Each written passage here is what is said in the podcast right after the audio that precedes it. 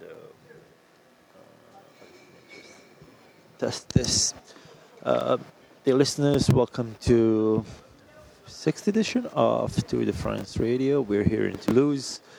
Uh, we've just watched Wales battering Russia and probably the best Wales performance in the last five years. I've seen them a lot in the last five years, and I think this was by far the best performance. Tonight, here with me is Mr. Simon Bank from Swedish daily Aftonbladet. Welcome, Simon. Thank you very much. First of all, what's your impression of tonight's match? It was a mismatch in pretty much every department. Uh, it was a, a, Russian team who was technically inept, but more than that, I think they played like suicidal tactics as well, uh, coming onto Wales pretty high, with bar none the most slow defense in the tournament, and uh, you could pretty much see that every time that Wales got hold of the ball, that it was going to be a, an opportunity for them just to outpace the Russian back back two as it was. And it could have been easily six or seven zero. So impressed by Wales, immensely impressed by by uh, Rambo, by Aaron Ramsey. I thought Joe Allen in the first half was running the game as, as he wanted, and then they had Bale, and and even Vokes did a did a good good game. So yeah, very very impressed by Wales. I've just wrote in my uh, piece for Croatian uh, papers that this Russia or Russia since uh, since 1992 and the end of Soviet Union is probably one of the biggest disappointments of modern football. Would you agree with that? I would. I mean, it's they had a great culture, great uh, history in football. They got uh, like a population of 150 million. They got all the money in the world.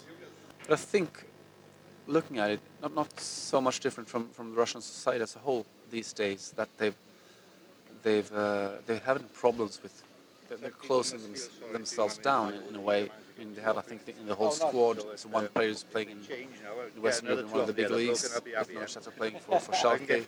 Apart from that, you've got 22 players playing back home. And, I mean, yes, it's, it's not a bad league, but it's a league with one way of playing, and uh, at times games with not so much pace. And well, you can see that. You can see that now. And uh, I think they need to take in impulses from, from abroad. And I'm not talking about bringing Capello on board, I'm talking about uh, in a broader scheme of things, they have to uh, have more players playing in the big leagues.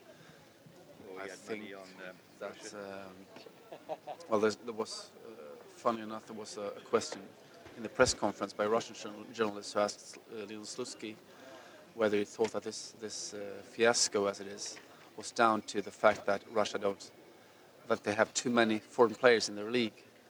And Slutsky intelligently enough said that no, I think it's quite the opposite, and I, I agree totally with Slutsky. Yeah, and this was in a way supposed to be a, a tournament where Russia was supposed to get some uh, self-esteem before 2018. They they are not having competitive football for two years when it comes to the international football. Is that too too less time to do something? I think it is, yeah, because I think it's what's needed is a big restructuring process, and they haven't looked at that uh, during the last five or six or eight or ten years when they had every chance in the world to do so, uh, to take influx from from abroad to, to try and educate players to to uh, make young players go abroad and play, and also take in all the knowledge and know-how from from other other leagues uh, within the domestic game. I think that kind of process takes time, and I mean there's there's a fair amount of good work being done in Russia. Uh, they get good academies, but I think they, they need to they need to have major change within their domestic game to, to be able to compete on an international level. Let's uh, switch to the last day of the tournament, the most important day for, let's say, Scandinavians, because let's say that Norwegians will support you. Uh, Sweden, to is is is it calling them horrible a bit under under understatement? I think I mean it's, it's been two games and it's been it's been um, they've been quite different. Uh, the two games. The first game, yeah, was horrendous. It was in every way that they was mis-scouted. It was uh, a tactical mistake in pretty much every department, and on an individual level as well. Uh, a great disappointment. I thought the second game against Italy. I mean, it's easy to point at them having no shots at goal, uh, but I think they, from a tactical point of view, from a collective point of view, it was a decent game. They, they did they did well. They defended well. And if someone was to say before that game that, well, yeah, you'll have a 50-50 game, and you, Sweden will be able to attack with Zlatan Ibrahimovic, Italy will try to come at you with Eder and Graziano Pelle. I think, yeah, I would go for that. I would, I would, I would accept that. It's, it's not, it's not a bad chance. But in the end, it came down to, to the individual quality in Italy and the lack of quality in Sweden. A player slips, a player does something good. Yeah. That was the game. But I thought that was, uh, it was You've got the team there. I wouldn't say comforting, but it was uh, a big, a huge leap forward compared to the first game, which was in every department on every level. Huge disappointment. Tell me about the chances. What, what do you what do you expect from Sweden against Belgium? Not much, to be honest. I mean, looking at it uh, in a sober way, I think that Belgium, on an individual scale, is so much better than Sweden. It's only one player in Sweden would be with a, a shot of, of taking a, a place in the squad for Belgium, and we all know who that is. But that specific player, I mean, he's had two uh, pretty quiet games, and the one hope they have is that he won't have three. And with Zlatan, because it's him, If you were that, if you were to, I mean, he could he could play a blinder. He could he could uh, give Sweden the lead within 10 or 15 minutes, and then well, that might change the game because I don't think Belgium has impressed. Uh, they've had they've been having problems. They could they were able to to beat Ireland on the counter attack in the second half, but but so far I think yeah we, we've seen that they're- have great great qualities uh, as individuals, but we knew that beforehand. And I think Wilmots hasn't quite gelled the team yet, and he's, he's been given quite some time to do that now. So, yeah, we'll see. I, I think Belgium are, are big, big favourites to win that game, and they might even win it big if Sweden don't turn up on the day. But, well, there, there's hope. A team of Zlatan always has hope. obviously Sweden relies too much on Zlatan. That's that's the fact. But on the opposite side of that book or page is the fact that Zlatan was involved into something like 71% of all goals scored by Sweden last five years, I think. Sweden without Zlatan, with obviously new coach Jan Andersson. How do you, how do you see that? I try to take the, the Johan Cruyff uh, take on that. He said once that every disadvantage has its advantage. And uh, it would pretty much be, be back to the roots of Swedish, the Swedish game, playing solidly, defensively based uh, team football. And that's what Sweden's been doing best over the last 500 years or so. Uh, so hopefully, I mean, the alternative is, is to keep Zlatan going on at, at 35 or 36 or 37 with the status he, he has the, on the team, on the squad, deciding everything, being the, the only leader.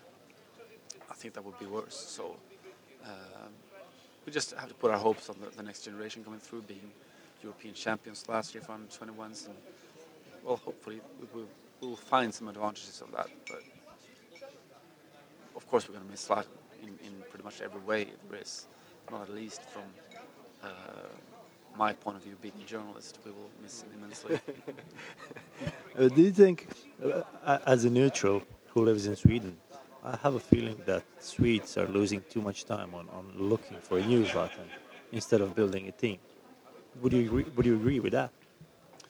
I would, yeah. And uh, I mean, there are quite a I mean, we, we've been asking or, or looking for for uh, young talent, technically gifted players for well since forever. Uh, and these days they are coming through. The technically gifted players are coming through, but they they lack the thing that previously has been the big strength of the Swedish game, the tactical understanding, uh, being able to play as a team, defend as a team.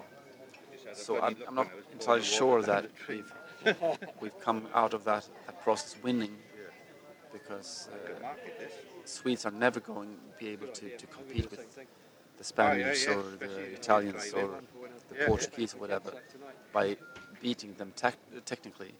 We have to be smarter than the other teams. And, and over the last few years, Sweden hasn't been sw- smarter than pretty much any team. So. I- I guess the point is adjusting to the opposition. And speaking about that, uh, other Swedish coach in this European Championship is pretty good at that. Uh, how do you see chances of Iceland in this final round? Uh, I think it's a good chance, and, and it's not only because they're, they're so very well organized, pretty much all the Lars Lagerbäck's team has been since forever, but, but I think that they have individual quality as well.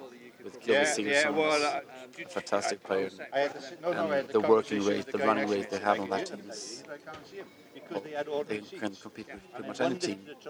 I mean, that's a problem, but um, uh, it's going to be tough. And I think I have a, I have this feeling that we haven't seen the best of Austria yet because they've been one of the disappointments of the tournament as well. So, but I guess they will let Austria try play their game, try to beat them on the counter attack. Uh, being well organized and well. They're with a chance. I think they're, they're, they have a bigger chance than Sweden have to, to go through for sure. Speaking about disappointments, uh, who are your biggest disappointments at this European Championship? And who is your biggest favorite after we've seen almost all the matches of the group stage?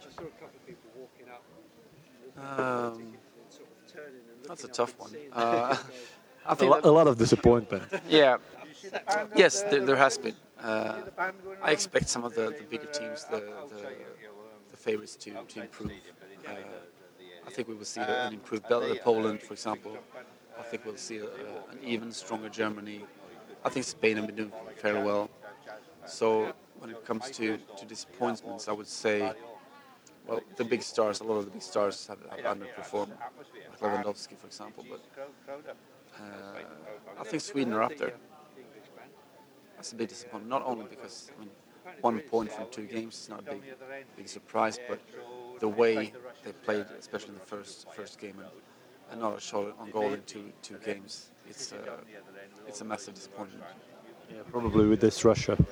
Yes, yes, of course. But I mean, Russia, you, you always knew that they were uh, dysfunctional in some way, and they they they gone into the to the the Euros. I think that well they lost three and, and tied three of the six last games or something.